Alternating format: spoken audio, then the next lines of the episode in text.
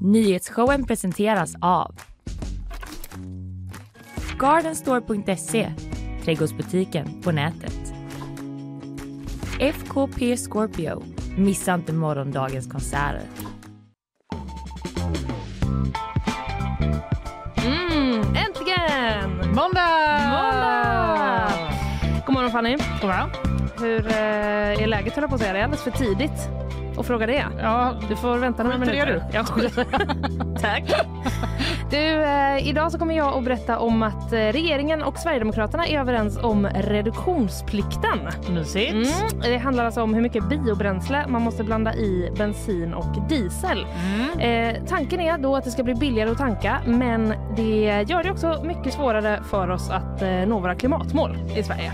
Typiskt. Ja, kommer berätta lite mer om olika miljardböter eh, som hotar och så vidare. Oj! Mm, vad ska du prata om? Miljardböter. Mm. Jag ska prata om eh, partiledardebatten igår. Ja, Det blir lite politik här på morgonen. toppen. Men det är också viktigt att hänga med va? Mm.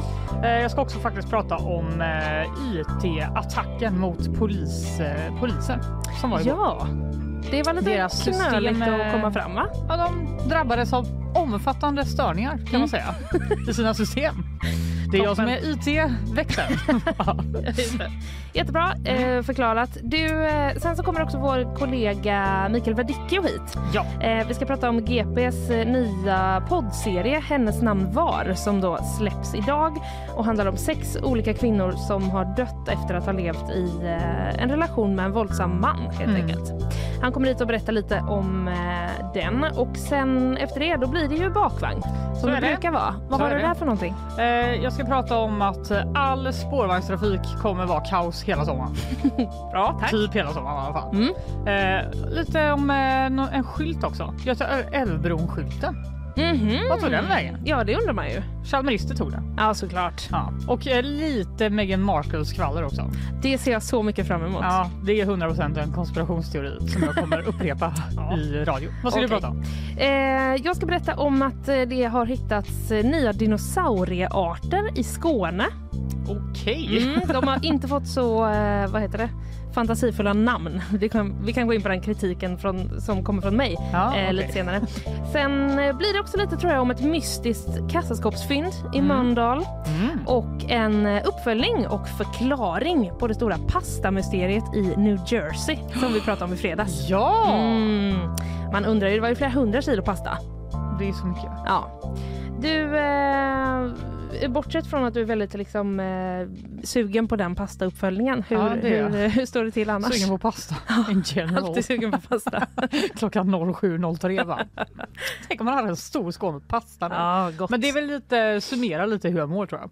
ja, att du är sugen lite på sleten Eh, Lite sliten, ja från helgen när Ja. vi var på fest. absolut. Ja, hur mår du? Super, super pigg. Okej, Aldrig mått bättre. sluta skryta. Nej, men jag känner att jag behövde, jag behövde lite motvikt här. Ja men jag är också superpigg. Ja, det är bra. Det är ju fruktansvärt ljust nu också. Ja, fruktansvärt just. Ja, men, eh, Underbart ljust. Jo, jo, det var ingen negativ värdering. Jag råkar använda det ordet ganska ofta bara för istället för jätte. Ja okej. Så det kan, något kan vara fruktansvärt gott också. Aha, Ja. ja. Absolut. Eh, så har det råkat eh, bli. Men du, eh, vi eh, börjar väl bara va? Vi gör det.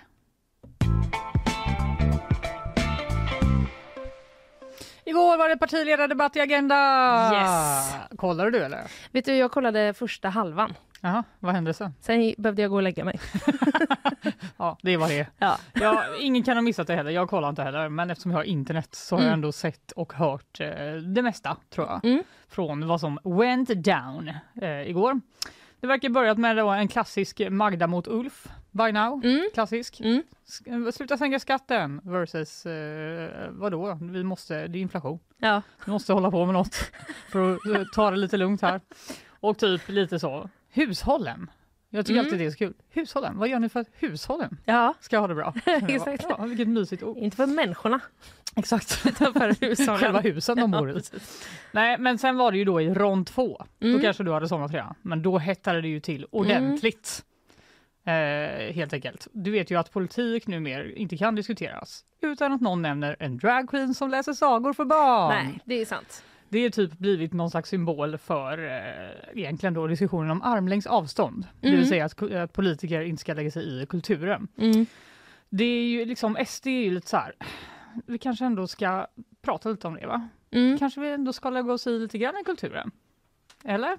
Vi kanske ska liksom, jag vet inte, dragqueen-artister kanske inte ska läsa sagor för barn för skattepengar.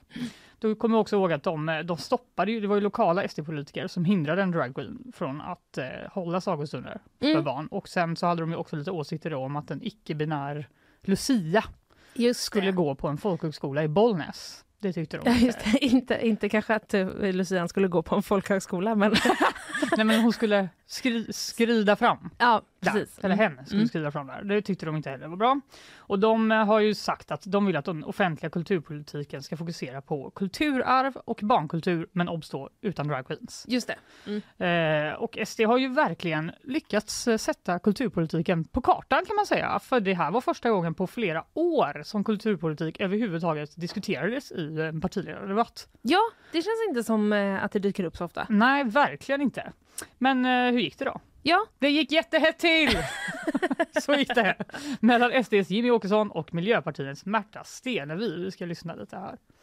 Man får läsa sagor för barn även om man kallar sig för skamlös vinhora. Inte Men jag vill inte Sverigedemokraterna styr. betala Det det för det med skattepengar. Det är en väsentlig skillnad Men då är du inne och styr där, för att de skattepengarna är Ja, ju även andras oss- än dina.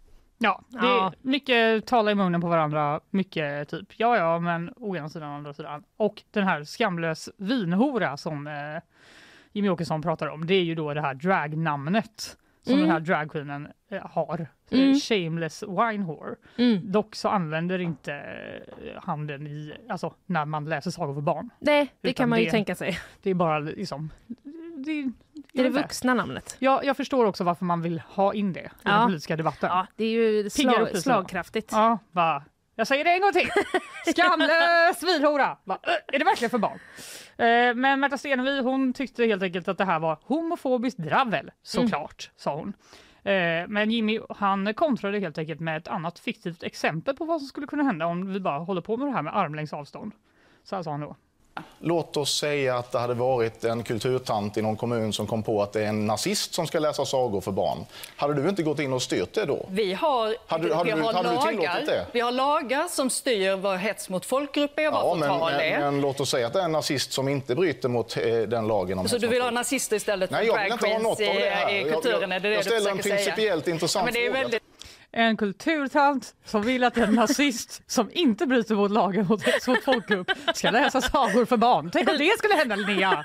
Vad ska vi göra då? En laglydig nazist. Ja, en jättesnäll nazist Mm. som älskar barn. Toppen Det är nazist. klart att de också finns. Mm. Eh, Men ja, poängen var väl att det, det är ju liksom Var går en gränsen? högerextrem ideologi och det Ja. kanske man ändå inte kan säga om drag queens. Men, Nej. Ja, det var en principiell fråga som Ja. Jimmy ville helt enkelt lyfta. Men det slutade ju inte där. Han fick inte bara kritik från eh, Märta Stenevi utan också från sina egna samarbetspartier som tyckte att, liksom, hallå, Ulf Kristersson sa man ska ha armlängds avstånd, vi måste vara varsamma med det, vi kan inte hålla på och pilla i det. Även Liberalernas Johan Persson, han var inne lite på samma spår. Ja, vi har skrivit i Tidöavtalet att det är armlängds avstånd som gäller. Det är väl ungefär så här långt. Så, att, eh, så, så kan man ju inte låta bli att Jimmy Åkesson tycker massa om saker eller att jag tycker massa saker om det är snyggt eller fult. Men jag ska inte påverka det. Det är bibliotekarien Det är som ju- ska göra. Ärligt talat Johan Persson, vi, vi, vi är överens om den principen, absolut. Armlängd, eller hur? Ja, absolut. Men det måste ju finnas gränser för det här. Man ser inte det här nu, men han är väldigt mycket så här, armlängd va?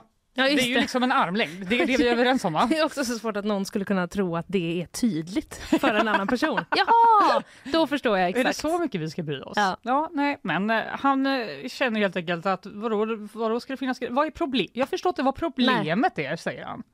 Jo, men du kan ju inte bli upprörd. Alltså, jag förstår Jo, inte det här liksom, att det är en dragqueen. Liksom, hur osäker kan man vara? Vad tror du ska hända? Vi kan väl Vad gå dit vad, vad ska hända? Nej, men om det är jag- en, vi kan väl gå dit, men vad är problemet att om biblioteket har fått ett anslag och biblioteket bjuder in dem, eller så är det två fågelskådare eller vad det kan nu som ska berätta något. Liksom, Bli inte så himla nervös av Jag det. är Liksom, inte ett dugg nervös. Jag Vi kan gå dit att, ihop. Att eh, dr- drag queens och sånt kan vara jätteunderhållande. Men det är ju för vuxna. Det är ju inte för barn. Om man, Så himla bra killretorik tycker jag. är du rädd eller? Vågar du inte hoppa från tian? Blir du nervös? Ja, Bara, "Eh, jag blir inte alls nervös. Men Jag också- tycker det är jättekul med dragqueens. men också tycker jag att det kändes mycket som ett par som typ så ska på en middag där den ena inte känner någon. Så är det så här, vi kan väl gå dit ihop? Vad är det som är problemet? Nu går vi bara. Eller hur? Jag vet, inte, jag vet inte om Jimmy tog illa upp, men jag tycker att det var lite att han är lite så. "Va? Sluta vara så himla nervös Jimmy. Ja. Vad är problemet? Men vi får väl se om eh, Johan och Jimpa går på lite sagostund ihop Just helt enkelt. Och Ja. så kanske vi kan lämna det här drag queen-spåret bakom oss till nästa debatt. ja, Tycker jag det. det har ju varit ganska mycket fullbokat har jag hört på de här stunderna så de får nog eh, vara ute Sluta göra reklam. i god tid.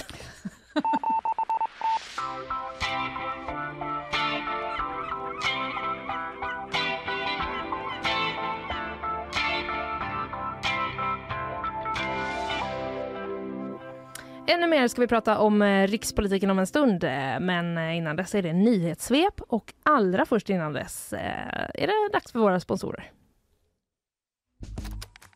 Nyhetsshowen presenteras av Gardenstore.se, trädgårdsbutiken på nätet.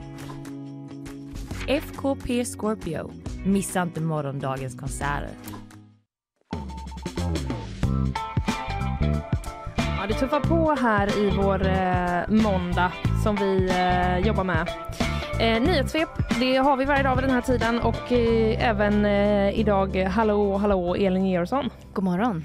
Du, eh, hur känns, eh, alltså är vi kompisar liksom efter quizet i fredags eller är det? Är Ja, det var kanske tveksamt i fredags eftermiddag. Nej, Vi kommer Nej, du över var det. riktigt vass då. Jag tycker du var en god förlorare. Ja. Tycker du? Ja, ja, eh, vi tar oss vidare helt enkelt bara med lite, lite goa eh, nyheter eh, istället. Stämmer. Minst fem personer har skadats efter drönarattacker mot Kiev natten till idag, rapporterar The Guardian. Över 30 drönare upptäcktes och sköts ned av det ukrains ukrainska luftförsvaret. Ryssland har även utfört robotattacker mot Odessa och en kraftig brand bröt ut i ett livsmedelslager där. En explosion inträffade vid en port i Norsborg söder om Stockholm vid fyra tiden i natt, det skriver Aftonbladet. Ingen person ska ha kommit till skada men polisen uppger att det finns skador på porten och trasiga glasrutor. Nationella bombskyddet är på plats under morgonen. Händelsen utreds som allmänfarlig ödeläggelse. Ingen person har gripits. Nu lanseras ett nytt webbverktyg för att spåra Sveriges fästingar och det ska ske med hjälp av allmänheten. På sajten Rapportera fästing kan bilder skickas in. Statens veterinärmedicinska anstalt kommer att analysera och särskilt intressanta är ovanliga fästingar för att kunna identifiera nya arter i landet. Mm, fästingar. Ja. Ska man, eh, kan man gå och vaccinera sig mot TB om man är intresserad av det? Ja, vi borde bara göra det idag. Jag har hört att även om man gör det nu så har man ändå ett visst skydd inför Mm. sommaren. Varför kan man aldrig göra det i tid? Ja, det är en jättebra fråga som vi funderar på. Eh, Elin, vi ses igen eh, senare.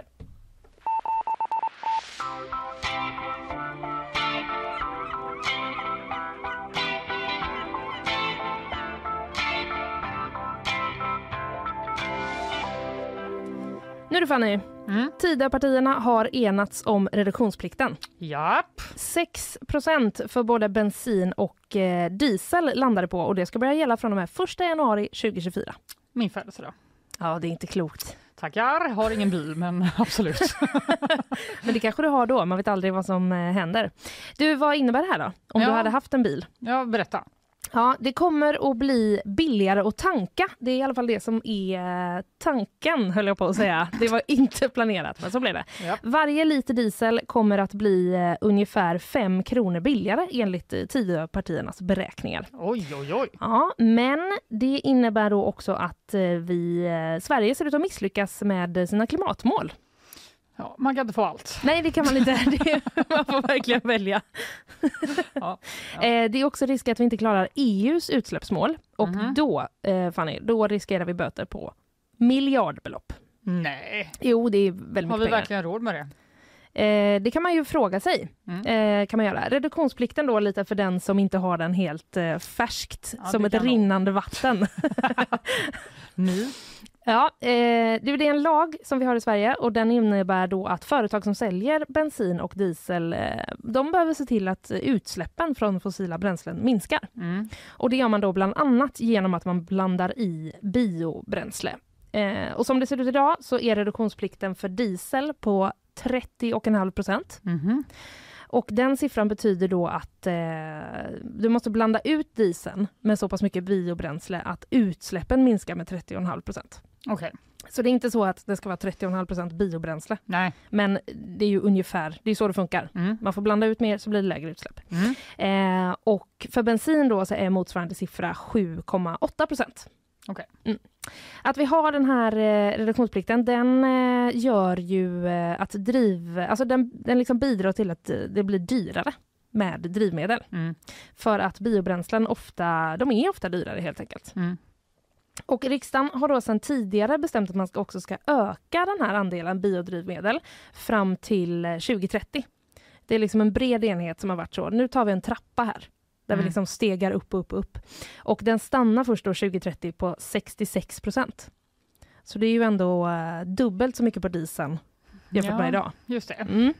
Eh, och enligt då Naturvårdsverket och Klimatpolitiska rådet så är eh, reduktionsplikten den enskilt viktigaste åtgärden om Sverige ska klara sina klimatmål till 2030, rapporterar SVT. Ja, okej. Ja, den, på, den påverkar mycket. Jag blir typ lite stressad av det här nu. Ja. kom, vi, vi tar oss igenom detta. Ja, ja förlåt. Ja, men under förra året kanske du minns, då steg ju bensin och eh, dieselpriserna. Mm, det kan man säga. Ja, det kan man eh, verkligen säga. Och redan den förra regeringen, de pausade faktiskt upptrappningen för 2023. Aha. Så från och med första januari nu precis eh, för några månader sedan, Ja. då låg, låg nivån kvar. Istället för att öka så låg den kvar Okej. på samma istället. Eh, och nu har då Tidöpartierna kommit överens om att eh, liksom, ja, gå åt backa till och med, Mm. gå åt andra hållet och sänka reduktionsplikten. Så här lät det eh, när Ulf Kristersson höll eh, regeringsförklaringen i höstas. Reduktionsplikten sänks till EUs lägstanivå den 1 januari 2024 och gäller under mandatperioden. Mm. EUs lägstanivå alltså. Det kanske ringer en liten eh, klocka, för det har ju varit lite diskussion om vad Ja, är EUs det. lägstanivå? Det, det fanns ingen va? Nej, precis. Det blev en, Så himla typiskt. ja, vä- väldigt typiskt. Det blev en debatt då mellan Tidöpartierna, eh, för det var inte självklart hur man skulle tolka det här, EUs Nej. lägstanivå. Det finns ingen tydligt liksom, eh, hej, vi är EU, det här är den absoluta lägsta nivån för eh, liksom, eh, reduktion. Mm. Nej, det fanns inte. Sverigedemokraterna, de ville ner till 0 procent. De tolkade det så att då är det lägsta noll. Ja, just det. Ja. Om det inte finns någon, då blir det noll. Då blir det noll, Mm. precis. Och de hotade ju faktiskt med eh, regeringskris tidigare i år. Ja, om de inte fick igenom det här. Alltså de brinner mycket för eh, bensin och diesel. Ja, det gör de. Priserna. Ja, precis. Det gör Mm. de absolut. Eh, M och KD, de har tidigare nämnt 6% och eh, Liberalerna har varit inne på någonstans mellan 12 och 16% Så att det var, var lite olika bud eh, Okej. där. Men nu har de alltså kommit överens. Det blir 6 eh, på M och KDs linje. Man undrar om det var så här. De bara, Liberalerna ni vill ha 12 Mm. och SD ni vill ha 0. Så vad tror Vad du om har vi 6 då? procent kanske? Så kanske alla blir nöjda. Ja. Möts vi på mitten. Och så råkade vi bli supernöjda. Ja, exakt. och så råkar det vara vårt förslag Det också. var ju en slump bara. Mm. Ja, vi ser det som en stor seger, säger Sverigedemokraternas eh, miljöpolitiska talesperson då, Martin Kinnunen, eh, trots att de alltså tidigare sa att de ville ner på noll och eventuellt hotade lite med regeringskris. Mm. Så de ser det ändå som en seger med 6 Ebba Busch eh, hon twittrar eh, ett vidsträckt och glesbefolkat land som Sverige kan inte, kan inte och ska inte ha världens dyraste diesel. Okej. Okay. Det säger hon och eh, de, Världens dyraste diesel. Har vi det? Ja, det har inte jag faktakollat om eh, vi faktiskt har världens Ja, dyraste får, diesel. vi får tro på henne. Ja. Mm. Vi får, eh, man får eh, undersöka själv som en Mm. liten uppgift till lyssnarna. Det kan ju ta en liten. Ja, det kan vi alltså- göra. Mm. Eh, Tidöpartierna då, de har ju som jag nämnde innan räknat ut att eh, dieseln skulle bli ungefär 5 kronor billigare per liter Mm. med den här sänkningen. Men den bedömningen håller inte Preem med om. Nähä. Det finns ingen i branschen som tror att det kommer bli i närheten av den siffran, säger eh, presschefen eh, Danny Backteg till Oj. Svenska Dagbladet. Ja, Eh, Okej. det är lite annorlunda. Han säger då istället att, eh, eller hon, inser jag nu. Danny. Ja. Ja, det kanske är Ja. en tjej va? Hen säger eh, istället då att det kan bli brist på diesel eftersom att man, eftersom man liksom inte kommer spä ut den lika mycket. Så behövs det ju mer. Mm. Samma princip som med saft, tänker jag. Ja, det, exakt. Att om alla börjar dricka den bara helt koncentrerad, då tar den ju slut snabbare. Det behövs mer och så kanske folk vill ha dieselbil då om det är mycket billigare. Ja, men det kanske inte kommer bli så mycket billigare. Då. Just ja. Ja, det, om det gud. tvistar de eh, Varför lärde. kan det aldrig bara vara enkelt? det går liksom inte. Nej, det går inte. Du, oppositionen, de är ju inte helt nöjda. Nej. Eh, Märta Stenevi, Miljöpartiet, hon kallar det för ett dubbelt svek. Eh, säger så här till TT. Man struntar i att göra effektiva kompensationer och istället väljer man det som kommer öka utsläppen mest. Därmed skjuter man hela notan framför sig till våra barn.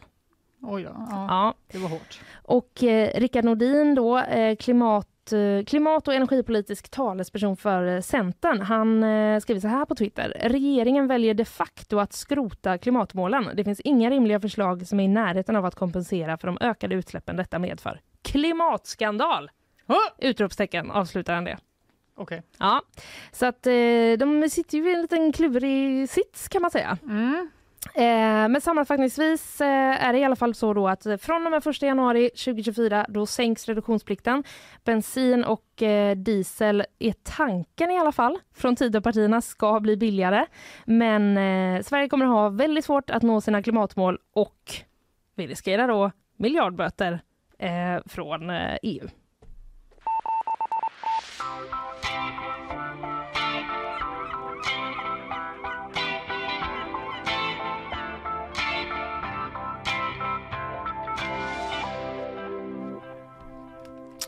Igår eh, var det inte bara partiledardebatt. Nej, Det var även eh, omfattande störningar i polisens IT-system.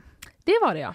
Ja, eh, exakt hur omfattande var oklart även för polisen själv. Det uppgav Irene eh, Sokolov på polisens nationella mediecenter till GP. Mm. De var så här. Vi vet inte, vi håller på att kolla på det. Ring sen.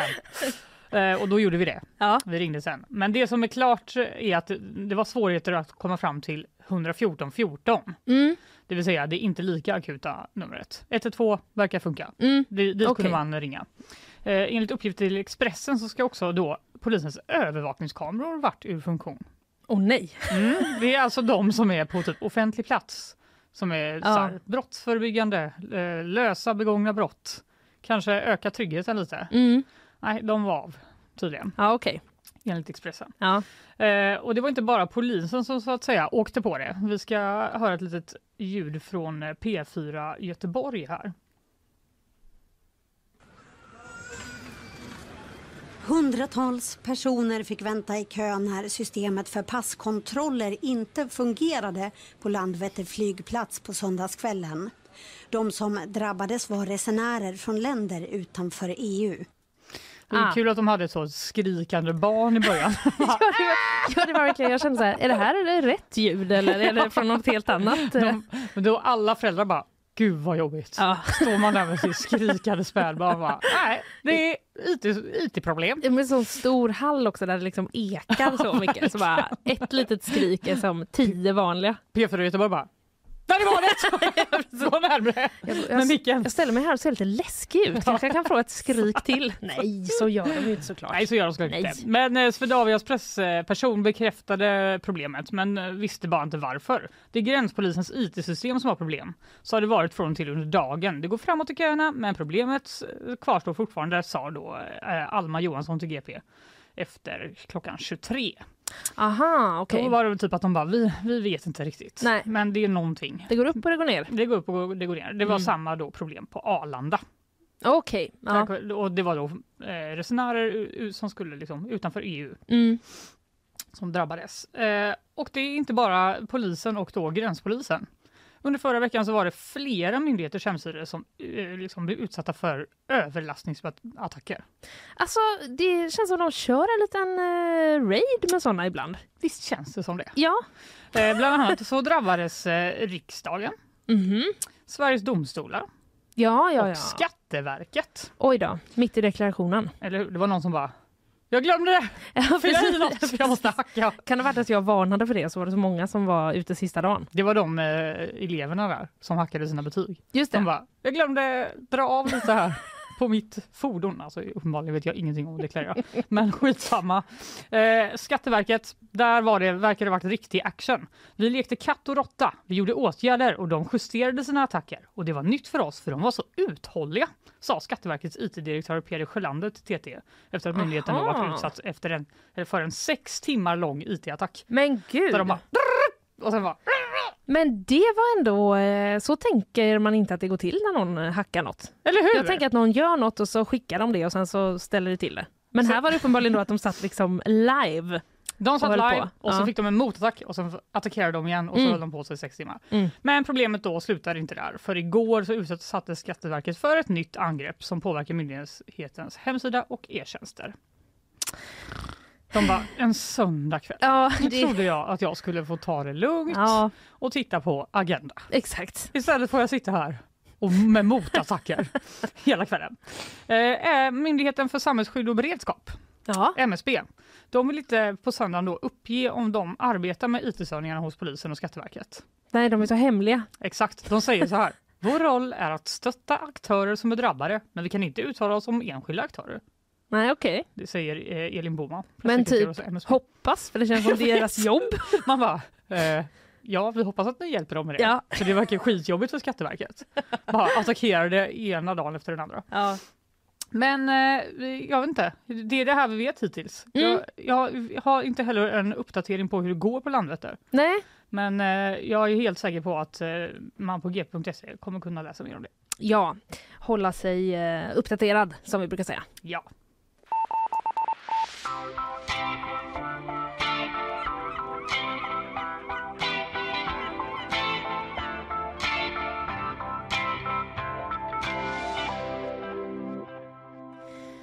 Gäst får vi snart. Ja. Vår kollega Mikael Verdicchio kommer hit och eh, berättar om eh, en ny poddserie som eh, släpps idag. Eh, jag ska inte hålla på och orda om det utan vi eh, lyssnar lite på våra sponsorer. Nyhetsshowen presenteras av Gardenstore.se, trädgårdsbutiken på nätet. FKP Scorpio, missa inte morgondagens konserter. Sådär, vi tar och släpper in Mikael eh, och så är vi tillbaka alldeles, alldeles strax.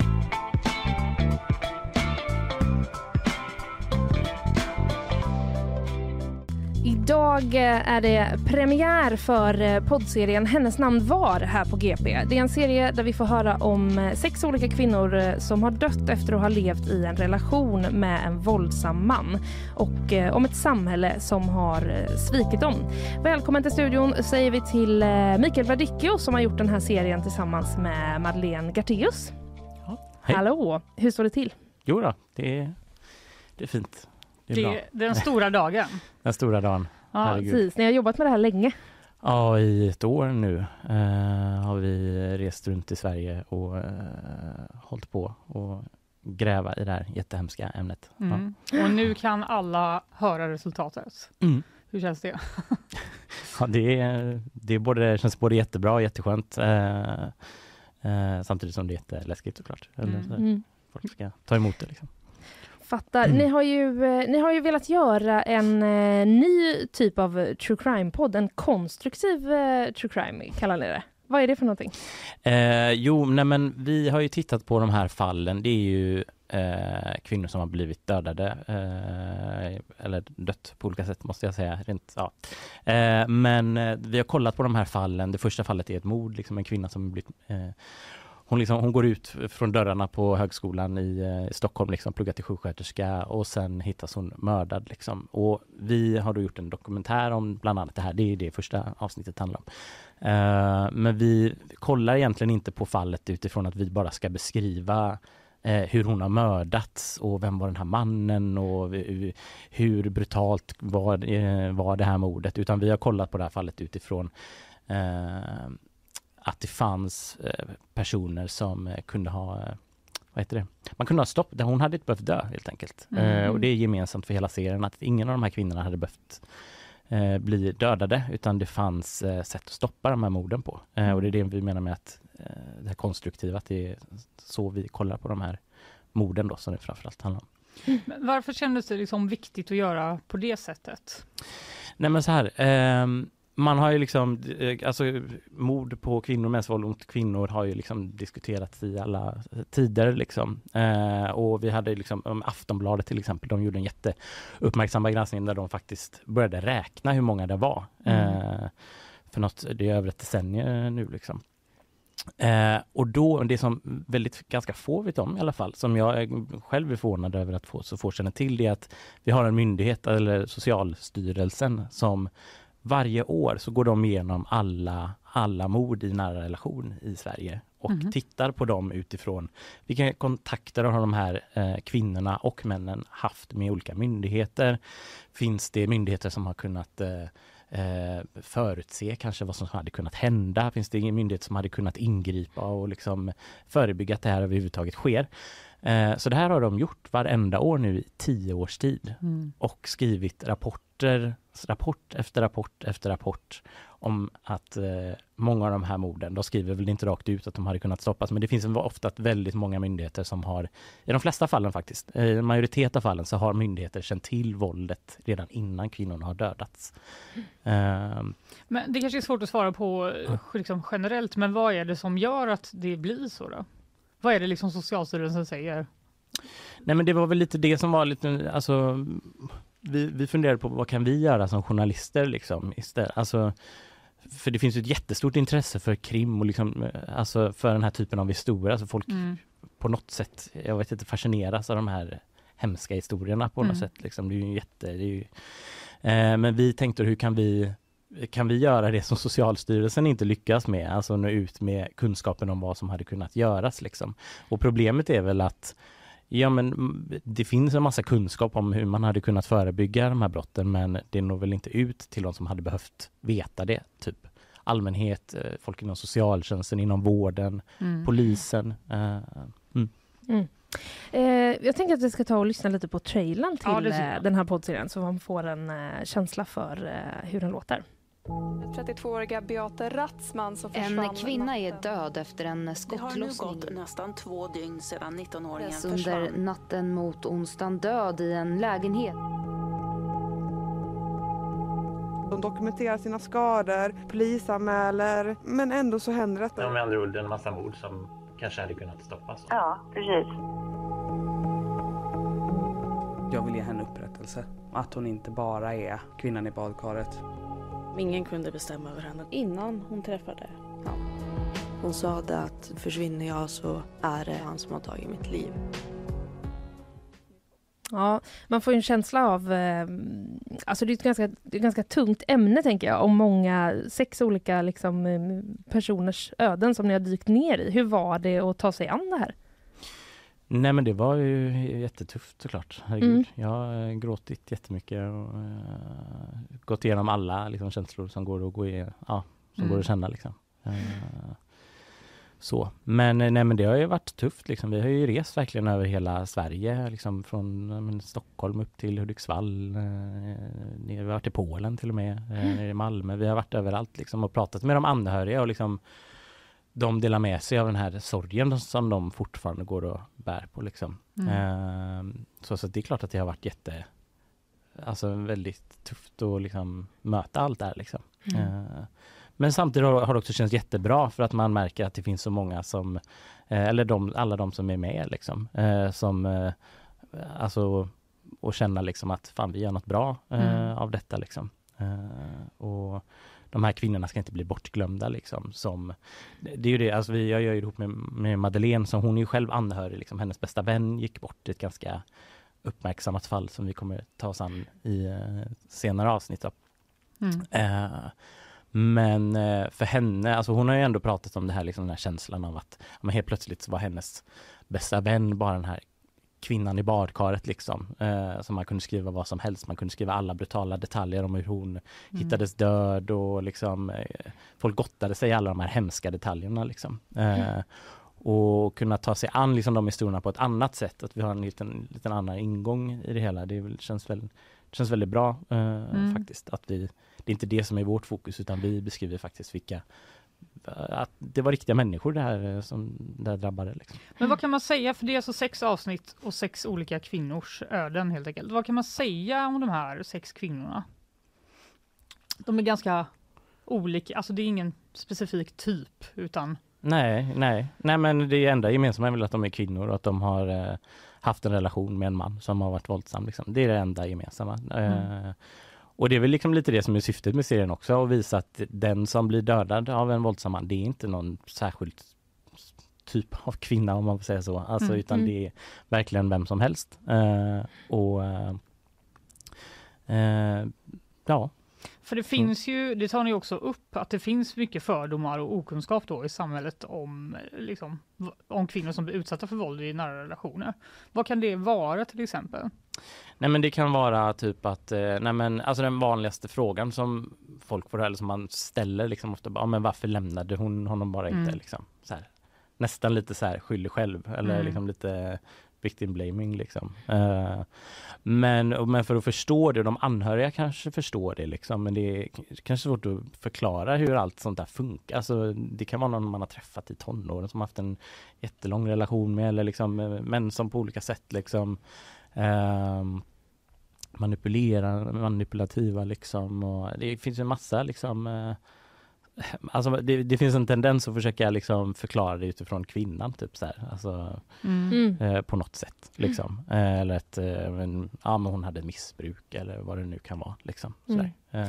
Men om vi ser till eh, om vi ser till männen istället, vad kan man, vad kan man säga om dem? Eh, oj, alltså det, det, finns väl forskning på det, så det skulle man nästan gjort en intervju med någon som kan det mycket bättre. Men det gemensamt är väl att det är oftast extremt kontrollerande män liksom. Mm. Eh, som, alltså jag tycker man vill se, eller i alla fall de fallen vi har kollat på, liksom att man nästan vill äga sin tjej liksom. Och, mm. eh, och de har väldigt svårt att acceptera eh, att den här tjejen eller deras flickvän vill göra slut liksom. För det är då det händer liksom. Mm. Eh, de kan inte ta det utan då ja, gör de hellre det värsta man kan mm. Göra. Liksom. Men det finns ju en politisk enighet om att man ska stoppa eh, mäns våld mot kvinnor. Vad gör man i praktiken där och varför går det så trögt? Alltså jag tror viljan finns ju överallt, liksom, i alla myndigheter och det är massa eldsjälar överallt liksom, som, som i decennier har liksom pratat om det, hur, vad ska vi göra liksom och så. Men Sen får man ju liksom titta på verkligheten och rent krast, alltså statistiken minskar inte utan det är omkring 15 kvinnor som dödas varje år och mm. den siffran minskar liksom inte. Mm. Eh, och det är tusentals, det är ju bara de som dör, det är ju liksom tusentals som lever, alltså som lever i våldet nu liksom. Eh, så att alltså jag tror viljan finns men eh, problemet är väl dels då att vi haft den här, så vi har haft Socialstyrelsen som i tio års tid har skrivit de här rapporterna med vad som vi hade kunnat göra. Problemet är väl då att den kunskapen inte riktigt har nått ut till de som borde känna till det. Liksom. Mm. Eh, som i det första avsnittet som handlar om ja, men Anna, liksom, där, det, där det är mer inriktat på vården. Liksom. Vad kände vården till? Mm. Eh, det, det, fanns liksom, de hade kunnat ingripa eh, i det fallet. Eh, men uppenbarligen så är det personal som inte riktigt, alltså man blir osäker när man liksom ställs inför svåra dilemman. Så där, nu, nu skulle jag kunna agera men vågar jag det? Liksom, vågar jag bryta min sekretess till exempel och slå larm om att den här mannen har tänkt att döda den här kvinnan? Liksom. Mm. Eh, så det, det, är dels det. Sen så tror jag det övergripande är väl att det finns rent generellt, det, det är något vi har fått höra från alla myndigheter vi har pratat om, det är att myndigheter har väldigt svårt av någon anledning för att samarbeta. Alltså man mm. jobbar var för sig men man måste börja dela information med varandra och börja samarbeta. Det är där liksom skon klämmer tror jag. Mm. Vi ska komma in eh, lite mer på Anna som du tog upp eh, här för ehm, det är ju första avsnittet så pratar ni om, eh, om henne. Men jag tänker också bara lite att den här serien handlar ju också som vi nämnde i början att försöka visa att samhället har svikit de här kvinnorna. Hur, hur har de blivit svikna? Nej men som med Anna, alltså hon, eh, hennes kille, eh, han berättar för vården att han har tänkt döda henne och han berättar det upprepade gånger för flera läkare som känner till detta. De släpper ut honom på en, de släpper ut honom, alltså han, han vårdas på en sluten avdelning liksom. Mm, eh, han får permission. Han får permission och då åker han raka vägen hem och gör det precis som han har sagt. Och det är ingen som ringer henne och varnar henne om vad han har sagt. Eh, det kan handla om eh, unga tjejer, alltså i andra avsnitt, ja, men att man har sökt, sökt hjälp. Man har polisanmält, ansökt om kontaktförbud, blir nekad. Den här mannen, ja, De blir Mm. mördade efter det. Det är liksom eh, unga tjejer. Vi berättar om eh, Tova Moberg till exempel i ett av avsnitten. Eh, 19 år blev hon. Hon till slut liksom fattar mord och liksom man anmä hon anmäler honom men utredningen blir liggande i hög liksom. Mm. Och under tiden så ja, eller kort efteråt så eh, mördas hon liksom. Mm. Eh, så att det är en massa olika eh, sätt Mm. som man kan bli sviken på i Sverige kan man säga. Men ehm, i det här fallet med eh, Anna då, där har ni pratat med eh, Mattias Månsson som är då överläkare och biträdande verksamhetschef vid psykiatri Nordväst vid Danderyds sjukhus där den här expojkvännen då eh, vårdades och det är vad jag förstår första gången som de har kommenterat det här fallet. Vad, Mm. vad säger han om det här? Ja, alltså det blev ju känt under rättegången och så under utredningen där. Eh, det är ju några år tillbaka i tiden att han hade uttryckt för någon inom vården liksom, tankar om att döda henne. Liksom. Men vi har ju då genom att eh, vi har kunnat få se hans journaler liksom, och det står och då kunde vi se där då att det är liksom upprepade gånger och det var flera läkare, det var minst tre läkare och en sjuksköterska som kände till detta liksom. Och då är ju frågan man ställer sig, men borde de ha eh, slått larm eller liksom varnat Anna? Borde man ens ha släppt ut honom kanske? Det är egentligen det. Eh, det han säger är ju att Ja, ursäkta. Eh, nej men det stora dilemmat här är ju liksom det är ju en ganska hård sekretess inom vården liksom. Och kan man bryta den liksom, och i vilken grad kan man bryta sekretessen om man Mm. då är oro, orolig att något sånt här ska hända liksom. Eh, så det var det mycket vi pratade om. Ehm, och han, nej men han erkänner att vården har begått eh, ganska grova fel här då. Eh, sen är det en kedja, det är liksom lite invecklat i fallet för att det var då eh, den här mannen vårdades under flera veckors tid. Ehm, och felet då menar han gick av Alltså han började beviljas permission, eh, permissioner eh, av en läkare som egentligen inte gjorde någon, de ska göra en riskbedömning, alltså de ska, de ska bedöma, göra en liksom samlad bedömning, okej men är den här mannen farlig, kan han utgöra en fara för sig själv eller för någon annan liksom. Eh, men felet var att man beviljade honom permissioner utan att ens göra den här bedömningen, så man bara sa Mhm. att det är okej att du går ut liksom. Eh, och sen då har vården fortsatt ett par dagar eh, och då har liksom andra läkare fortsatt på liksom lite samma väg. Eh, och det har då slutat med att man eh, har släppt ut honom och han har åkt och gjort precis vad han har sagt då. Eh, Men har de liksom bör- lärt sig något av det? Alltså, har de börjat arbeta på ett annat sätt efter att det här hände? Ja men eh, det, som jag förstod det på honom så är man väl mycket mer noggrann, säger han i alla fall, att man med kring riskbedömningar och så liksom Mm. hur man eh, det här ska inte få ske igen liksom. Det är ju hela syftet. De gjorde en internutredning efter det här mordet liksom. Eh, och tittar ju då på vilka brister som eh, eh, förekom och eh, ska väl, ja, tanken är väl att man inte ska göra om det igen. Men sen grundproblemet är väl fortfarande att det finns en väldig osäkerhet kring vad får man Får man bryta sekretessen? För en, alltså det vi har pratat om nu är ju liksom bara sådär Borde man ha släppt ut honom eller inte? Liksom. Det är kanske det mest de fokuserar på. Liksom. Mm. Eh, men det som man som allmänhet kanske frågar sig är så här, men borde man ha ringt henne då? Eh, Mm. Mm. Men då har ju han, han, han berättar ju då att eh, eller liksom hela grundtanken med vården är att man eh, Vårdas man inom psykiatrin så menade han att då måste man kunna säga sina även de mörkaste tankarna, alltså att man har planerat, alltså tänkt att döda någon. Liksom. Det måste man kunna få berätta för vården utan att de slår larm eh, eller att de går och sprider detta vidare. Liksom. Mm. Och det är liksom sådär grunddilemmat. Och då fin det finns faktiskt en möjlighet för vårdpersonal att, att slå larm liksom, om det är fara för någons liv. Liksom. Eh, men dilemmat lite här som han förklarade, det var ju att eh, han begick ju mordet och han berättade de här tankarna medan han fortfarande vårdades. Hade han då typ rymt från avdelningen, liksom, då hade de kunnat slå larm ganska lätt. Liksom, och Mhm. kanske ring, kunnat ringa henne och sagt att du, nu har vi, det är en patient som har rymt här. Eh, och han har sagt att han tänker döda dig. Liksom. Eh, ja. Men här begicks ju felet, alltså någon, man bedömde ju att han var okej att släppas ut. Liksom. Mm. Eh, Mm. Så grundproblemet är, där någonstans var att de borde egentligen inte ha, alltså är man farlig så ska man inte ens släppas ut liksom. Eh, Mm. Det var den bedömningen som de kanske borde gjort annorlunda då. Ja men Mm. precis. Ja. Eh, men ni har ju också pratat med eh, Annas anhöriga. Vad säger de om eh, allt det här? Nej men det är väl, eh, alltså de har väl ställt sig samma frågor. Vi har ju intervjuat eh, hans, eh, eller eh, Annas eh, pappa Olof Mm. eh, som har eh, Ja, nej, men ställt sig den här frågan liksom i alla år liksom. Hur, hur kunde ingen varna Anna liksom? Eh, det var folk som visste vad som var på väg att ske men ingen liksom kunde lyfta telefonen och tänka att vi kanske måste varna henne liksom.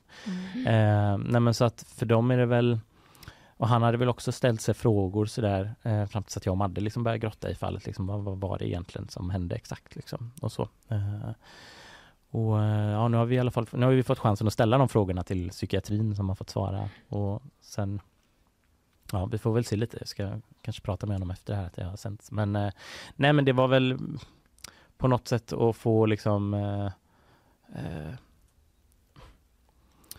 Ja men dels det här hela den här eh, situationen kring vården, hur man hanterade fallet men också bara den här eh, Jag märkte på honom att det var så eh, Bara få sitta med honom, liksom, han får öppna sitt album och få berätta Mm. om sin dotter liksom eh, Och vem hon var, att hon var liksom inte bara en en anonym kvinna som blev mördad. Liksom. För det är det som har skrivits i, tidigare om det här mordet. En, en kvinna som har hittats död, eh, Mm. brutalt mördad. Liksom, eh, Mm. lägenhet. Det är ingen som vet, eller väldigt få i alla fall, som vet vem hon var och liksom, vad hon drömde om. Och liksom, eh, men hennes uppväxt och hon liksom eh, hon hade kommit in på sjuksköterskehögskola, liksom läst till, pluggat till sjuksköterska och liksom bara få berätta vem hon var, göra henne till en levande person. Det har, man har märkt på alla anhöriga vi har pratat med att det är verkligen eh, eh, ja, det känns väldigt fint att få sitta och liksom höra dem berätta det här. Liksom. Eh, Mm. Det har varit väldigt uppskattat av många, det är många som har sagt det efteråt. Men du, om man lyssnar på det här och kanske själv är utsatt för våld fysiskt eller psykiskt eller om man känner någon som är det eller om man misstänker det på något sätt, vad kan man då vända sig? Ja, man, det är ju, man kan få en pessimistisk bild eller man kan Ja, lätt bli precis. pessimistisk om man lyssnar på den här. Eh, vi har ju samlat det på vår eh, specialsajt. Eh, vi Ja. har en specialsajt också eh, till den här Precis. podden. Eh, Eh, gp.se slash hennes namn var. Precis. Där kommer allt material samlas. Pre- Precis, så där har vi även samlat då eh, ja, men länkar, telefonnummer till olika organisationer och myndigheter, alltså Kvinnofridslinjen, Unison, eh, polisen. Ja, det finns ju en massa ställen att höra av sig till. Eh, Mm. Så det är bara att gå in där. Mm. Väldigt bra. Eh, första avsnittet alltså av eh, poddserien Hennes namn var finns eh, ute och lyssna på nu i de, på de flesta poddplattformar. Eh, tack för att du kom och berättade om det här Mikael. Vi kanske bjuder in dig igen längre fram under våren. Ja, vi får se. Ja, tack. tack.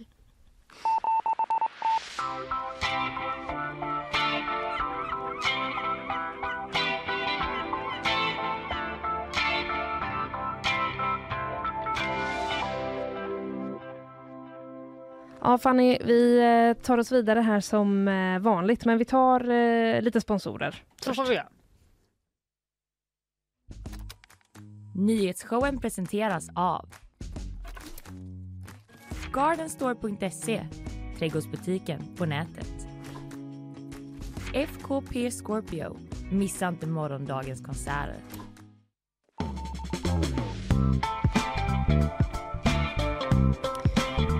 Jajamän, vi har bytt uh, gäst, uh, gäst höll jag på att säga. Vi har bytt person eh, på stolen. Uh, Elin, du är här och ska bjuda oss på ytterligare ett nyhetssvep.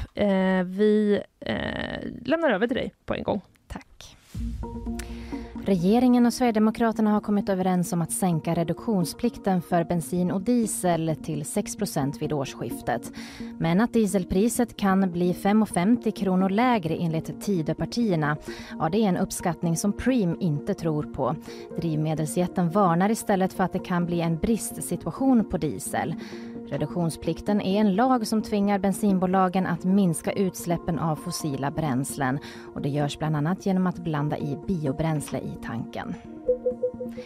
Minst fem personer har skadats efter drönarattacker mot Kiev natten till idag, det rapporterar, rapporterar The Guardian.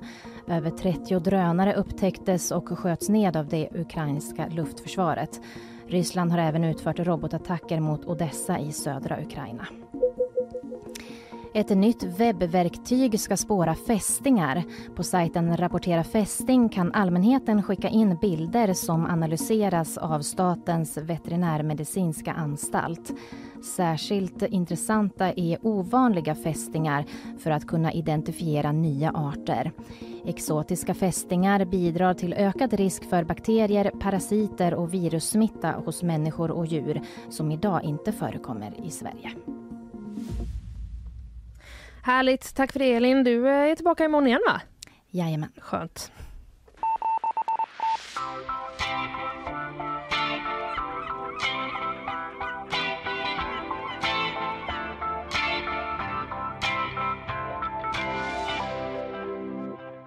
Hallå Fanny! Hej! Är du här? ja, är du också här? Uh, ja, det verkar så. Mycket trevligt. Det, jag hörs va? Nej. Ja, du hörs. Men du, uh, i sommar, då blir Ja. det kaos Då blir det kaos ja. i spårvagnstrafiken. Ja. Tio spårvagnslinjer läggs om. Det är ju typ det, alla. Ja, eller hur? Eh, Har vi ens fler, känner man ibland. Vi har ju den berömda 13. Ja, vi har var, 11. Var inte den eh, näst mest hatad när vi gjorde det här undersökningen? Jo, det den kanske den var. Jag kommer inte riktigt ihåg. Ja. Jag kommer inte heller ihåg. Eh, men eh, det är alltså flera spårarbeten eh, som är inplanerade i sommar, arbeten som orsakar stor påverkan på spår, spårvagnstrafiken. Under tre veckor kommer det till exempel inte gå någon spårvagnstrafik alls i Majorna. Men det är ju, det går ju inte. Så kan det väl inte vara? Jag tycker det är så kul. det är någonting med att de bara, ni får ingen spårvagn. Nej. I tre veckor, det är svinlänge också. Ja. Men jag tycker att det är så här varje sommar. Det är alltid att man bara, nu är det Way Out West. Västra Mm. Bara, det går inga spårvagnar till Linnéplatsen. Ingenting går. Just den här helgen. Nej. För vi måste typ laga något spår där. Ja. Så ja, alla får gå till Way Out West. Ja, men det kanske, det kanske inte är så himla dumt när jag tänker efter. Men du tycker folk ska röra på sig? Ja. Ja, jo. Men eh, absolut. Nej, Säg men det så är till alla stockholmare som Ja. bara, vilket håll? Ja men då kan de vara kvar i sin stad och gå på någon annan eh, musik om de inte kan tänka sig det. Nej men... Eh, Absolut. nej. Nej men det är så här att det är flera omfattande spårarbeten på olika platser i stan. Bland Mm. annat så då ska man hålla på underhålla spår, spårområden och hållplatser. Okej. Eh, och ja, de tycker att det här ska försöka påverka resenärerna så lite som möjligt. Det är därför man gör det på sommaren säger de. Vi eh, utgår från att skolan är stängd och många har semester sommartid så det påverkar det dagliga resandet mindre då. Eh, givetvis kommer resenärerna att bli påverkade, men det här är den bästa tiden på året för att minimera påverkan på resandet, säger Tammo Ovesi som är avdelningschef för trafikomläggningar på Västtrafik till oss på GP. Ja, okej. Det ver- verkar bland annat röra sträckan mellan centralstationen och Åkareplatsen. Men det är ju en väldigt kort Det är sträcka. fruktansvärt kort sträcka. ja, det är ju från centralstationen till hit där vi sitter. Ja, men det står så här. Därför kommer det inte gå några spårvagnar mellan Centralen och Ullevi. Va? Men det här, då kommer ju det här drabba mig Det kommer med. drabba dig. Varför och alla som ska gå det? på konsert på Ullevi! De hatar typ alla som går på konsert. Nej! Jo, och Men dig. de tycker om alla som jobbar. Ja, exakt. Ja. Det är det som är så bra med buss. Det är aldrig något spår man behöver underhålla. Nej, du kan åka din buss. Ja. Kan du göra. Mm. Eh, det här jag sa om Majorna. Det är Mm. alltså mellan 26 juni och 18 juli så är det arbeten på Första Långgatan, Stibergstorget, Chapmans torg och Godhemsgatan. Så blir herregud. Inga eh, spårvagnar. Peak sommar typ. Hur lägger de det här då? Okej, men eh, jag undrar typ eh, för oss som bara vill åka igenom Majorna för att till exempel åka till Saltholmen, är det också kört eller? Det kommer finnas ersättningsbussar. Ja, okej. Mm. det kunde man tro va? Förlåt, jag bara kände direkt eh, vilja åka ut till Saltholmen med kollektivtrafik oavsett vilken Nej, det det är. vill du inte. Inte ens Nej. om vagnen går orkar Nej, det. Men eh, nu går det liksom inte. Det Nej. finns en, eller jag ska inte säga att det går inte för jag har inte kollat exakt Nej. hur den här omläggningen kommer att eh, eh, vara. Mm. Men som tur är så finns det då i artikeln på g.se en karta där man kan se Ah. exakt hur spårvagnarna kör i sommar. Perfekt Du kan ju. klicka väldigt eh, liksom, eh, tydligt här på vilken vagn du undrar över Mm. och då visar kartan hur, hur kommer den påverkas. Skulle du kunna ta trean som exempel bara så får vi höra hur Det den skulle påverkas? Eh, fast nu hoppade hela min text. Ja. trean. Ja, det är väldigt mycket information om trean. kan jag säga. Ta någon jag kan inte dra det hela. Nej. Men eh, 3 juni till 17 juni så delas eh, trean i två delar. Den ena kör eh, Ullevi norra Polhemsplatsen där den vänder och kör tillbaka Det är fruktansvärt kort sträcka den kör då. Ja, den stannar inte vid Centralstationen eller Brunnsparken och den andra delen kör Marklandsgatan Centralstationen. Aha. Där den vänder och kör tillbaka. Okej, den är alltså Så du kan kapad. inte åka till din del av stan Nej, det kan jag inte. Me- mellan 3 juni och 17 juni. Vi, eh, ska vi liksom, eh, det, man, eh, det vi tar med oss härifrån är att man kan gå eller stanna hemma. Köp en cykel. Berätta om din karaktär. Um, jag spelar... What's, what you're doing for me, just so you know, Nana, is I speak English 100% of my life and my mind is not in um, publicity state to do what you wish me to do. So I will do it for you, but I'm equally not as happy. But okay. My mind is not in publicity state heller. Nej, inte det heller. Och som eh, eh, producent Karl sa, den är så lång den här. Den jag kände också lång. nästan att jag höll på att pausa, ta en liten paus. Ehm, du, det har hänt en spännande grej i Skåne. Jaha. Mm. Tre nya dinosauriearter har upptäckts. Okej, Mm. det låter ju... Ja. Eh, då fossilen hittades längst ner i södra Sverige, läser jag på Aftonbladet, går de under arbetsnamnen Skånesaurus 1, 2 och 3. Nej! Betyg på de namnen. Det var det alltså jag tycker att Skånesaurus var bra, Mm. men inte så bra att man kan ge, ge det till det tre till tre. olika. Eller hur? För det, de kanske inte har något släktskap med varandra, de här eh, dinosaurierna. Alltså Ja, de kanske inte ens är lika. slappaste. Ja, det är lite slappt. Eh, Så här säger, nu ska jag, jag ska försöka uttala Ja, namnet här på den här eh, paleontologen. Det var svårt att säga det med. Eh, Gregor Snedsvedski, tror jag är hyfsat rätt. Han, eh, Mm. Lät säger- som ett namn Ja, men tack. tack. Eh, han säger i alla fall så här. Vi har hittat mer, men än så länge är det för tidigt att säga vad. Hmm. Vadå, Ja. typ, det kanske inte är en dinosaurie ens. Det kanske bara är något annat de har hittat. Nej, nej, men de här tre eh, har de hittat. Men, Skånesaurus 1, 2, 3. ja, men ännu mer kanske de har hittat. Eh, verkar det som. Bland fyra ton dinosauriefossil då, eh, har de hittat eh, de här eh, spåren. En av dem, den största, en köttätande bäst. Okej. Ordet bäst har man inte hört ändå på ganska länge. Ja. Uppemot 10 meter Mm. eh, kan den här eh, dinosaurien ha varit. Eh, ja, det blev tydligen rapporterades om det redan i höstas och då hade man hittat en del av dinosauriens käke. Direkt när jag såg det kände jag wow, det är något stort som sticker ut här. Jag förstod att det var en bit av dinosauriens skalle, har eh, paleo, paleontologen då Gregors berättat för SVT Vetenskap. Jaha. Mm. Är du, blir du liksom rädd eller glad och spänd? Alltså, jag blir typ lite glad för hans skull på något sätt. Ja. Att fattar du vad pulsen måste börjat gå där? Ja, det måste den. En käke stack fram. Ja. Nej men alltså det måste ju vara, hur bred kan den käken vara då om hela dinosaurien är 10 Alltså, om meter? det är en köttätande bäst Ja. så måste det ju vara ett par meter va? Nej, men nej, inte, inte Vadå som en krokodil tänker jag? Att den är liksom lika långt huvud Ja som just resten av det, kroppen. just det, jag tänkte liksom eh, i bredd. Ja, eh, strunt samma, vi ska Ja, inte, vi ska inte liksom hålla på och låna varandras eh, bettskenor ändå, så det är ju inte relevant. Men eh, den har de i alla fall hittat då, den eh, köttätaren och två växtätare. Jaha. Verkar de andra två ha varit. Så Ja. de verkar vara då lite mindre och eh, eh, eventuellt inte lika farliga för dig om du hade träffat den i eh, levande eh, i levande stadie. Hade köttätaren ätit upp växtätarna först? Det vet jag faktiskt inte. Nej. Nej. Bara Men eh, han säger i alla fall här, de är helt säkra på att de har hittat tre nya di- dinosauriesorter. Mhm. Ja. Vi får väl hoppas att de eh, kommer få lite bättre namn. Jo, det kommer de. De kommer alla få latinska namn baserade på den miljö och region de hittades i. Så det blir... Det blir bara Skåne på latin tre gånger. ja, precis. Bara- Det blir Skånesaurus 1, Skånesaurus 2, Skånesaurus 3 och som är lite annat namn. Ja, jag hoppas att man kan liksom göra ett undantag och döpa dem till eh, något lite som låter lite coolt. Jag med. Kycklingklubba med coolslave eller slav eller vad heter det? Coolslave. Och lite potatis. Hallå? Hallå, eh, kröningen eller? Ja! Kollar du? Jag kollade faktiskt lite grann. Det började väldigt tidigt. Ja, det var perfekt eh, att liksom bara ha på på tvn när man gick och mm, plocka med annat. Ja, Mm. Vad hann du se?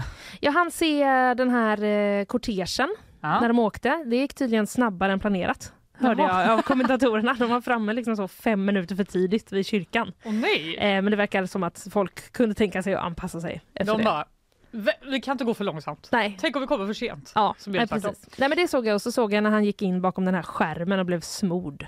Ja, det såg du det? Mm. Men då såg man bara skärmen då? Ja, det, ja, det gjorde man. Det var inte så att han var helt glansig sen? Nej, Från nej. den här salvan? nej, inte vad jag såg. Typiskt. Men eh, det har ju varit lite snack om Meghan Markle. Ja, Hon var inte där. nej. Eller? Du, du, du. Var hon eventuellt där? Det är olika Twitter-människor som tror att hon var där utklädd. I en eh, wig, glasses and a mustache. det är nämligen så att eh, det var en stand-out guest läser jag här i New York Post. Mhm. Eh, det var alltså 2200 personer där på Westminster Abbey. Men det var en Ja. person som verkligen stack ut. Det var eh, då eh, en person som de menade såg ut, hade klätt ut sig Ja. i peruk, eh, mustasch och eh, solglasögon. Eh, och då var folk så här, Megan, you're not fooling us. Typ som att det var hon så- då. Nej men. Jag sitter och tittar nu på den här personen eh, som eh, sägs vara Meghan Markle. Ja, eller hur? Någon, Yeah. någon skriver också på Twitter, just wait until the polyjuice potion wears off. men hallå. För då Harry Potter-fans där ute. Ja, Man dricker den och så typ har man lite så hårstrå från någon. exakt. Och så ser man ut som en Ser helt annan person. Det har du och jag gjort i morse till exempel. Mm. Med varandra. Så sjukt onödigt. Så himla meningslöst. Jag orkar inte sända idag, kan Nej. du? Ja, okej, absolut. Eh, men det visar sig att eh, det var inte hon. Det var en actual person som bara ser ut så och inte alls var utklädd. Stackars den personen. Ja, det var Sir Carl Jenkins, a legendary composer whose work was played during the ceremony. ceremony. Ja, då tycker man att det inte vore så svårt att kontrollera det ganska Nej, eh, innan ryktena hann spridas. jag tänker också det och det är typ lite taskigt mot honom att folk är så här, det här, måste, det här kan inte vara en riktig person. Nej, nej eller hur? Det vill Det man måste vara inte Meghan höra. Markle. Eller hur? Det där är någon som har klätt ut sig. bara, jag har ju klätt upp mig och gjort mig jättefin. Jag ska ju på kröning. Jobbigt. Ja, jag vet. Jag tyckte faktiskt lite... Ja, men då vet vi, eh, då kan vi i alla fall liksom eh, stänga den eh, dörren. Ja, Hon vi vet att Markle var inte där. Prins Harry var där då. Mm. Han kom, han gick direkt, direkt efter eh, servicen. Ja. Straight to Heathrow Airport. Ja. Och drog hem igen för att hans eh, son Archie skulle ha sin fyraårs födelsedag. Ja, ja, ja. Vad är väl en kröning? När ens barn fyller år. barnkalas, Ja. eller hur Carl Jansson? Ja, herregud. Jag såg också eh, någon annan konstig snackis. Eh, såg du den om att det var eh, som en lieman som eh, sågs i, eh, i tv-bilderna? Va? Ja, det var, det var någon, eh, någon kameravinkel från liksom inne i kyrkan som filmar liksom den bakre delen av kyrkan och så ser man då dörröppningen. Och då på utsidan, förbi dörröppningen, så går det under några sekunder förbi eh, någonting som typ ser ut som att det skulle kunna vara en lieman. Ja, jag läser på svart Svensk kåpa. Damtidning här. Ja, Mystiska klippet från kröningen väcker frågor. Ja. Sägs föreställa liemannen. exakt. Ja, det kan man ju förstå att det Mm. verkligen eh, väcker frågor om. Ja, vi, det finns, förmodligen finns det väl säkert en alldeles eh, toppen förklaring även till det. Ja, det var väl bara någon som hade cap på sig. Ja, det kan det ha varit. Men det var just Det det, var här med pinnen också som gjorde liksom att man kände så, är det halloween? Aha. Ja. Eh, klippet har fått miljontals visningar på bara ett dygn. Eh, samtidigt påstår vissa att det i själva verket föreställer ett spöke som bor i Westminster Abbey. Mm. Två här- jätterimliga förklaringar på att någon hade cap Ja, men det, på kröningen. ett spöke eller liemannen. absolut, det, det, jag tycker det låter som ett, någon perfekt grej att förmiddagsgoogla på jobbet. Verkligen. En måndag. Varsågoda. Nu är det sjukt jobbigt faktiskt. Mm. På ett positivt sätt. Ja du Fanny, vi ska eh, kasta oss vidare in i kassaskåpsmysteriet. Ja, vad var det då? Jo, det var så här. Rådasjön i Mölndal. Ja. Har du varit där? Eh, Råda gelateri... Frågetecken? Dossier glass? Eh, nej, det tror jag inte har någon koppling. Nej, då har jag ingen aning. Nej, utan det här är en helt vanlig badsjö. Jaha, ja, trevligt. som sitter ihop med Stensjön. Dubbelsjö kan man eh, kalla Hur det. många sjöar i Sverige heter Stensjön? Eh, jag vet inte. Känner du till många? Ja. Jaha, okej. Vi måste ta reda på det. Ja, det kollar vi eh, så Svårt fort. för dig att typ berätta det här för mig när jag bara någonting med glass. Hur många sjöar heter Stensjön? Jag bara fortsätter. Ja. Eh, du, en dykare gjorde ett ovanligt fynd, läser jag på gp.se. Ett, Mhm. eh, under fredags eftermiddagen var det. Han hittade då ett kassaskåp som låg på botten. Mhm. Vilket Mm. Drömfynd eller? Ja, man är ändå sugen på att eh, göra ett sånt fynd någon gång, om man också har möjlighet att ta upp det. För det skulle ju vara väldigt liksom, tråkigt om man bara såg det och inte kunde titta på det. Ja. Eh, vi, det finns bilder på gp.se. Oj! Faktiskt, Det är eh, ett riktigt klassiskt kassaskåp. det är ett riktigt kassaskåp. Ja. Eh, faktiskt, som också ser ut att ha blivit uppbrutet då. Eh, dykaren lyckades i alla fall på något sätt få upp det här på eh, bryggan och eh, Eh, kontaktade polisen. Det anmäldes eh, då vid eh, eftermiddagen och eh, det var väl eftersom att det såg uppbrutet ut. Eller ja, ett kassaskåp i en sjö. Det, man anar ju ugglor i mossen. Ja, alltså det, det är inte som att man, om man har sparat sina ägodelar i ett kassaskåp, att man bara jag går och slänger i sjön. Jag går och förvarar mina ägodelar här på Var botten ska av en sjö. jag lä- gömma det här kassaskåpet på bästa ställe? Ja, precis. Nej. Ehm, nej, det var oklart i alla fall hur det hamnade där och vems det var. Men Caroline eh, Karlsson, som är eh, polisens eh, presstalesperson, hon säger att det har försvunnit kassaskåp vid ett inbrott i närområdet tidigare. Mhm. Så att man kanske var lite sådär, kanske kan det ha med det att göra. Mm. Och polisen hade, de var på väg, eller de skulle åka ut till platsen. De åkte kanske inte, de hade något mer brådskande kanske. Tänkte att det kassaskåpet, det står nog kvar där, så Ja. vi kan titta på det. Men det gjorde det inte. Men vadå, de bara lämnade det där och drog? Förlåt, jag fattar Ja, inte. nej, men det var, väl, det var väl så här tänker jag, att dykaren ringde polisen och polisen var så, ja men vi, vi kollar på det men, Men vi hur kan kunde inte inte komma just dykaren nu. vänta? Nej men det kanske var flera timmar. Ja, men vad, jag hade väntat. Hade du det? Du vill väl veta vad som är i?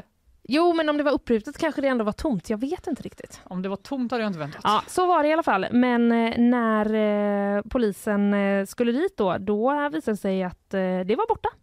Det kom ett ungdomsgäng till bryggan och slängde i det i vattnet igen. Nej! Ungdomsgäng! Det är så himla typiskt när det kommer ett ungdomsgäng och saboterar. Men då måste det ju varit tomt. Ja, det får man väl ändå hoppas. Det är ju otroligt om man eh, kastar i det utan att kolla efter en skatt först. Men nu känner jag att jag frågar dig väldigt mycket frågor, men hur vet de det? Du, det framgår faktiskt inte i texten hur de vet det, men polisen vet det på något sätt eh, i alla fall. Jag ett vet inte. vittne kanske hade golat, Det kan ha varit ett vittne som har golat. Ja, det kan det som man brukar säga. Ja. Men det finns, eh, mysteriet kvarstår alltså i alla fall. Jag vet inte om dykaren kanske kommer åka dit igen och plocka upp det. Ja, det Eller så kanske det kommer ett annat ungdomsgäng som är trötta på liksom, ungdomsgängsryktet. Så, och så liksom tar de upp det igen kanske. Det ser så tungt ut dock. Ja, det ser väldigt tungt ut. Väldigt fin sjö ser jag här. En väldigt fin sjö. Eh, kan rekommendera bad i eh, den sjön. In på gp.se om ni vill se bilderna på det här eh, mystiska, eh, mystiska eh, kassaskåpet. Hur reagerar du då? Så åt dem att gå åt helvete. Du minns eh, Göta älvbron? Mm. Jag stod här så fin. Va? Jag minns absolut Göta älvbron. Ja, det är inte så länge sedan den försvann. Nej, det är väl två år sedan kanske. inte är den kvar i alla fall. Nej, kvar är den inte. Nej. Men vad som är kvar är eh, två långa skyltar som satt på bron. Ja! Skyltar där det helt enkelt står Göta älvbro. Mm. Eh, Står det det särskrivet? eh, när det står Göta älvbro. Ja, okej. Mm. Göta älvbron. Ja, det var bara jag som kopplade på min eh, datorröst som jag använder ibland för att läsa saker. Ah. Eh, men eh, det, det var helt enkelt två studenter vid Chalmers. Ja. Det kunde man tro va? Ja, det kunde man, ja, det kunde man verkligen Det kunde man verkligen Mm. tro. De har räddat eh, båda skyltarna. Mm. En av dem sitter sedan i höstas på fasaden till huset där studenterna vid samhällsbyggnadsteknik håller till på Sven Hultins gata. Mm, vart ligger den gatan? Det känns som att eh, Ja, man den- känner igen det men man kan inte riktigt placera det, i alla fall jag. Jag det är- huvudkontor får jag upp här. Ja, men det- måste ju vara inne på Chalmers område. Ja, det måste det ju vara. I alla fall så eh, Ja, Johanneberg. Mm. var det Sven Hultin som var då dåvarande rektor vid Chalmers och professor i väg och vattenbyggnadslära och byggnadsteknik. Han var konsulterande ingenjör vid stadsbyggnadskontoret och ledde arbetet med ritningarna till eh, den här bron. Aha, Så man kan okej. säga att skylten har kommit hem. Ja, men det känns väl ändå bra. Mm, eller hur? Mm.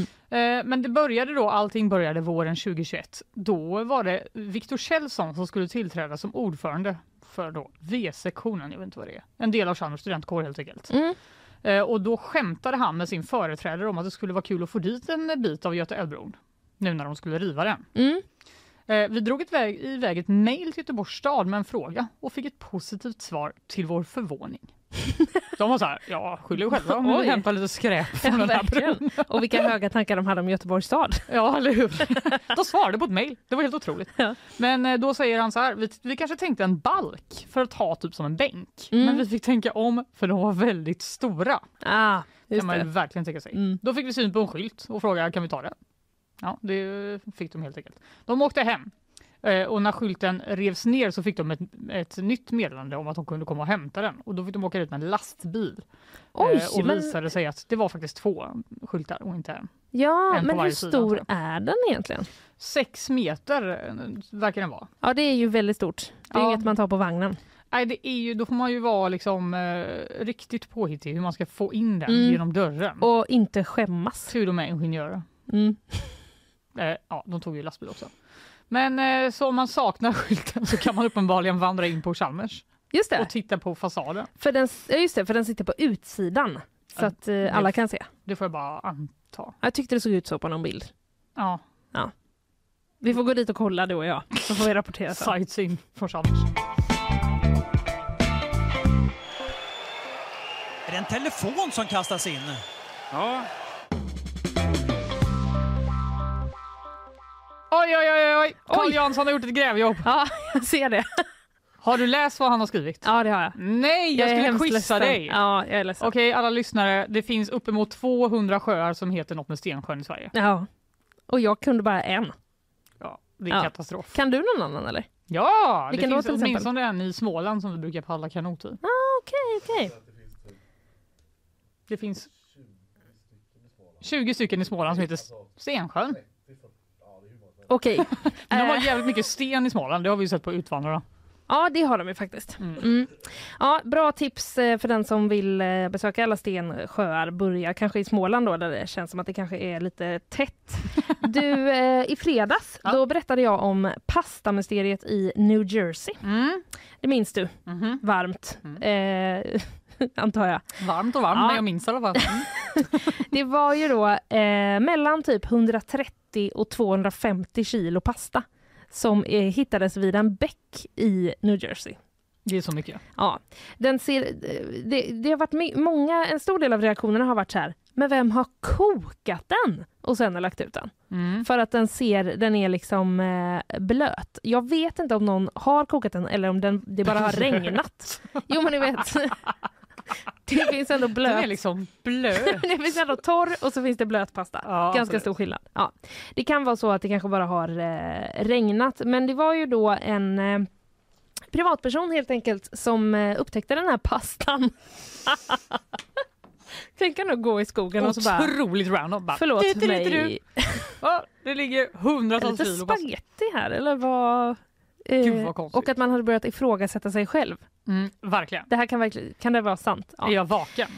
Eh, ja, men det var ju i alla fall eh, det som hände. Sen så eh, blev eh, Nina Joknowitz eh, kontaktad som också bor där i området och la upp bilder på det här i en eh, Facebookgrupp. det verkar ha varit eh, både spaghetti, makaroner och alfabetspasta. Gulligt. Det är väldigt gulligt ändå. Eh, det var bokstavligt talat en sju meter bred hög pasta som hade dumpats där, säger hon då till New York Times. Mhm. Och det är bara en av högarna då misstänker jag. Eller det kanske var hela. Ja, Mm. Det är lite oklart. Det ligger lite som i, eh, som i högar. Eh, sådär. Men det gjorde hon i alla fall. Eh, det blev ju väldigt uppmärksammat i den här Facebookgruppen. Olika italienska restauranger i området blev snabbt beskyllda för att ha någonting med det här att göra. Alltså det är ändå dit man hade gått först. eller? Ja, det, kanske det, det är det väl ändå. Ja. Men eh, de eh, sa nej, nej, nej, nej, nej. Vi håller Mm. inte på och gör något sånt där. Man ser inte så ofta alfabetspasta på italienska restauranger. Nej, det kanske är på Kids Menu. Ja, lite mer så. I alla fall, eh, redan i fredags då så berättade jag att eh, den här Nina som gjorde Facebookinlägget att hon visste vad som hade hänt men hon ville inte berätta det. Hon sa, jag vet, det är inte ett företag, det är ett hushåll men jag kommer inte säga mer. Så himla Varför? objussigt. Ja, och hela helgen har ju då jag och eh, förmodligen många fler gått och funderat eh, hur eh, ska det gå? Mm. Kan vi någonsin få veta det här? Nu är det då NBC New York som rapporterar att den här pastan ska ha kommit från ett närliggande hus som legat ute till försäljning. Och huset ska ha, ha ägts av en äldre kvinna som, ja, men som hade gått bort. Helt enkelt. Och hennes son ska då ha tömt huset och hittat ett stort lager pasta som han valde att dumpa i skogen. Va? Ja. Kokade han den först? Det låter ju jättejobbigt. Nej, men jag tror inte att han gjorde det, utan det kan ju verkligen vara att det bara har regnat. Det har liksom sugits åt sig vatten Ja. från skogen. Vi kanske ska få göra ett eh, test. Men en boende i närområdet säger i alla fall eh, så här då.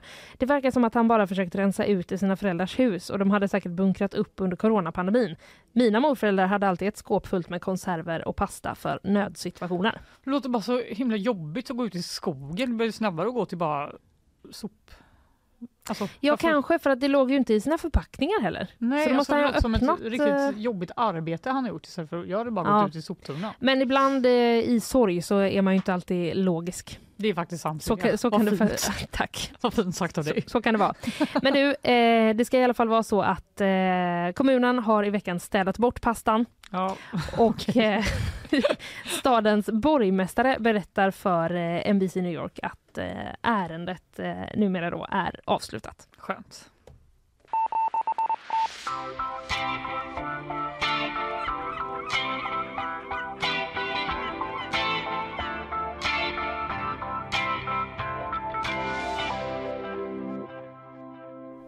Eh, känner du till eh, Bluey? Nej. Det är en eh, animerad eh, tv-serie för barn.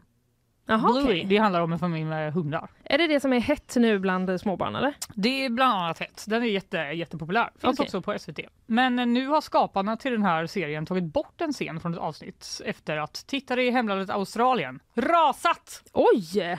Ja, eller hur? Vad kan det man så handla här, om? Är det en dragqueen som kommer? Nej, ja, precis. det var det inte. Nej. Det är, handlar om träning.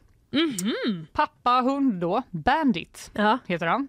Eh, han ställer sig på badrumsvågen och med en suck tar han tag om sina valkar. Nämen. Rapporterar aus- australiensiska medier. Mhm. Och när dottern Bluey då frågar vad som är fel så säger han att han bara behöver träna. Och även mamma Chili är besviken på vården. Vården? Vågen.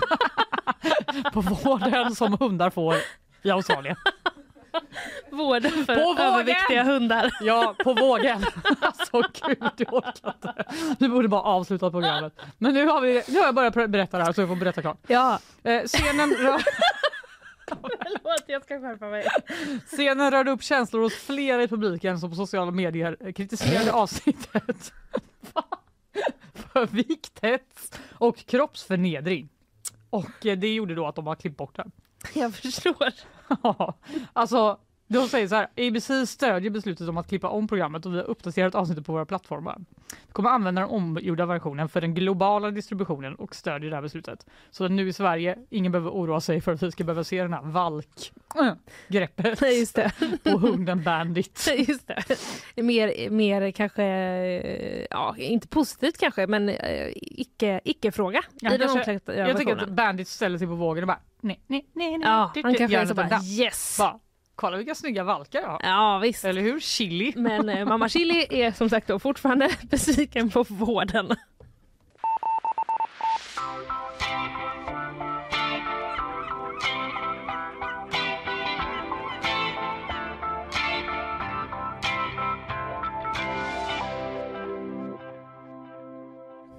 En eh, liten eh, grej till eh, vill jag berätta innan vi eh, packar ihop för idag. Det handlar om Emma som eh, bor, eh, på, eh, som bor utanför Borås. Emma Johansson. Hon har gjort en egen 50-skylt Jaha. som hon bär med sig när hon promenerar längs med Alingsåsvägen. Alltså gud, det här vill jag göra på min gata. Alltså, I Vasastan. Kör de så fort där? Alltså folk kör så fort där. Hur fort jag då? liksom en sån, du vet, Ove. En sån gubbe. ja. Att jag bara, vad fan! Skriker det så? Ja, skriker efter dem. Hytter med näven så här. Ja. Det är väldigt många som har så, en Porsche. Och så ska de Ah. typ köra förbi en skola som ligger utanför mig Mm. i typ 70 km i timmen. Fast Ja, det ska vara 30. Och Blir jag så- så otroligt sur. Ska de tuffa sig lite? Ja, så bara, Alltså det är töntigt. Hur kan någon tro Det är som att innerstans det är coolt? epa-traktor. Ja, det är exakt det det är. Störig. Störig. Nej, det så är det ju eh, absolut inte. Ni fattar vad jag menar. Men Emma har i alla fall gjort en eh, sån här skylt. Den har, eh, ja det ser ut lite som en vanlig vägskylt fast den är liksom fem, sexkantig. Eh, så står det 50 på den och eh, så har den ett randigt litet eh, trähandtag ser det ut som. Mhm. Och den här skylten berättar hon då att den, eh, den har hon med sig varje gång hon går längs med den här vägen. För att liksom påminna bilisterna då om, att, eh, om vad det är för hastighet. Alltså vilken eh, medborgare. Ja. Vilket ansvar. Ja. Hon säger då också att hon varje gång hon går längs med den här vägen så är hon själv eh, rädd för att bli eh, påkörd. Nej. Så att det är väl därför hon, eh, hon eh, har den. Och sen så har hon också en eh, dotter, läser jag, som hon brukar gå med där ibland. Men man ser här på bilderna att det är ju inte direkt en trottoar. Nej, precis. Det ser väldigt tajt ut. Hon måste ju typ gå på bilarna. Ja, det är ju som en landsväg typ. Det är ingen som har tänkt att man ska gå runt där uppenbarligen. Nej, det verkar inte så, men eh, det, jag läste också någonting att hon har en promenad på fem kilometer från eh, centrala Borås, men eh, då måste hon gå liksom, några hundra meter längs med den här eh, Ja, okej. vägen för att hon ska kunna ta sig hem med eh, till fots, eh, så att säga. Lite tips om att gå in och läsa där. En, den kanske den senaste grejen från vår Boråsredaktion som vi ju har. Ja, det har vi. Mm. Tänka sig. kan man gå in och läsa lite mer olika nyheter från Borås om man är intresserad av det. Nu är det dags att stänga ihop för idag. Ja. Fanny, vad pratade du om idag? Alltså att jag knappt minns, men jo, jag pratade om partiledardebatten igår och eh, kulturbråket som skedde. det. Och Mm. också om eh, lite IT-problem hos polisen och andra myndigheter. Kaos på Landvetter ja. blev det där. Det blev det. Eh, jag pratade om reduktionsplikten. Tidöpartierna är överens. 6 hamnar det på för både diesel och eh, bensin. Tanken är att eh, det ska bli billigare Mm. att tanka helt enkelt. Men det kanske inte blir så mycket billigare som de själva partierna hade räknat ut. Eh, och sen blir det också ganska mycket svårare för oss att nå våra klimatmål. Eh, når vi inte EUs utsläppsmål, ja då väntar böter på x antal miljarder. Eh, där, så var det. Sen hade vi också eh, Mikael Verdicchio som var här. Jajamän. Ja, han berättade om eh, den nya poddserien som vi på GP släpper eh, idag som han och eh, kollegan Madeleine Gartius har gjort. En poddserie som handlar om sex olika kvinnor som har dött efter att ha levt i relationer med våldsamma män helt enkelt. Mm. Första avsnittet finns eh, ute och lyssna på eh, redan nu på de flesta poddplattformar och vill man läsa mer kan man också gå in på gp.se hennes namn var. Ja. Där hittar man mer. Och sen är vi där vi är nu. Mm. Vi tar väl och, eh, vi tar och säger så. Trevlig måndag! Ha det gott. Hej! Hej!